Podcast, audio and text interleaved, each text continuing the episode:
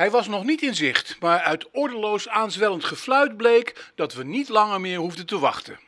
Samen met fotograaf Klaas-Jan van der Wij had ik al heel wat renners voorbij zien komen op weg naar het startpodium van Mouilleron Saint-Germain.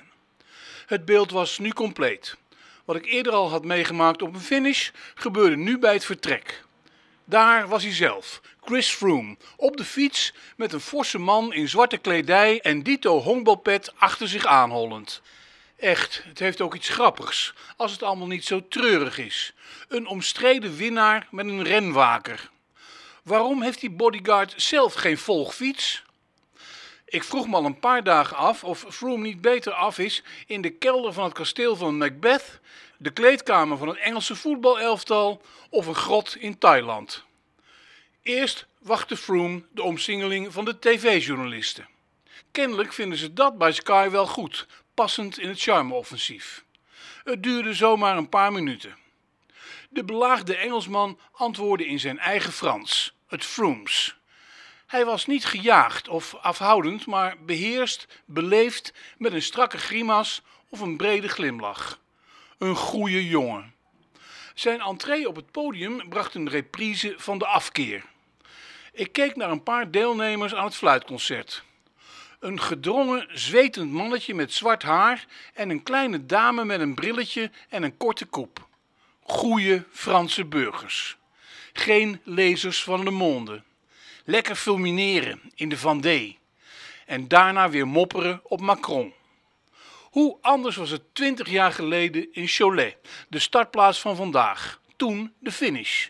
Ook toen was de Tour nog maar net bezig, terug van een buitennissige Grand Départ in Ierland.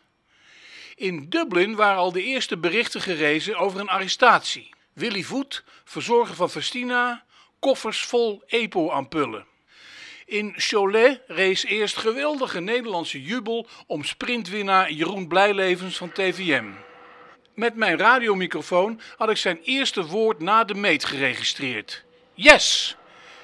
Die avond ging de Franse justitiële overval op de Tour verder. Het was non contre le dopage. Er bestond al langer grondige Franse wetgeving over. Een nieuwe generatie juristen sloeg toe. In Cholet zag ik hoe ploegarts Erik Rijkaard van Festina werd afgevoerd in een Peugeot in Burger. Dit versla ik niet, zei een Belgische tv-man. Hij zit nog altijd op de commentaarposities, Michel Wuits. En waarom niet? Het was de reflex van menig tourreporter. Het was ook hot news. Ik snapte de sportcollega's ook wel, maar dit was toch een steeds groter verhaal. De Tour dopage in wording. De Tour werd deel van de echte wereld, was geen beschermd zomercircus meer. Het was opnieuw angst en walging in de ronde.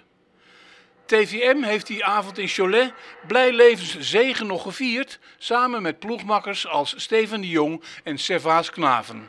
De een is nu ploegleider bij Trek, de ander bij Sky.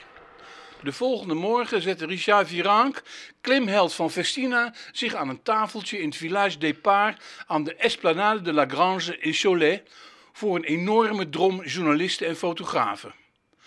Uit mijn dagboek van toen Virank vertelde met een verbeterd gezicht over het imago van de Tour, over de droom van mooie sport, over stampen op de pedalen, over dreiging en verval. Hij keerde zich tegen de berichtgeving in de media, noemde het een feuilleton vol verzinsels. Hij wilde niet ingaan op juridische kwesties. Hij sloot af met Vive le Tour, vive le vélo. Twee dagen later werd hij met zijn hele ploeg uit de Tour gezet door rondedirecteur Jean-Marie Leblanc. Weer een luttel aantal dagen later werden TVM-ploegleider Kees Priem en ploegarts André Mikhailov gearresteerd in hun hotel in Pamiers. In het begin van week 3 kwam nog een politieinval op het TVM-hotel in Albertville. Zodra de tour over de Zwitserse grens was getrokken voor de rit naar Neuchâtel, smeerde de hele TVM-ploeg hem om verder uit handen van de Franse smerissen te blijven. Ik was er steeds bij in groeiende vermoeidheid. Het was een zware eposoap vol ontkenningen, halve waarheden, hardnekkige leugens.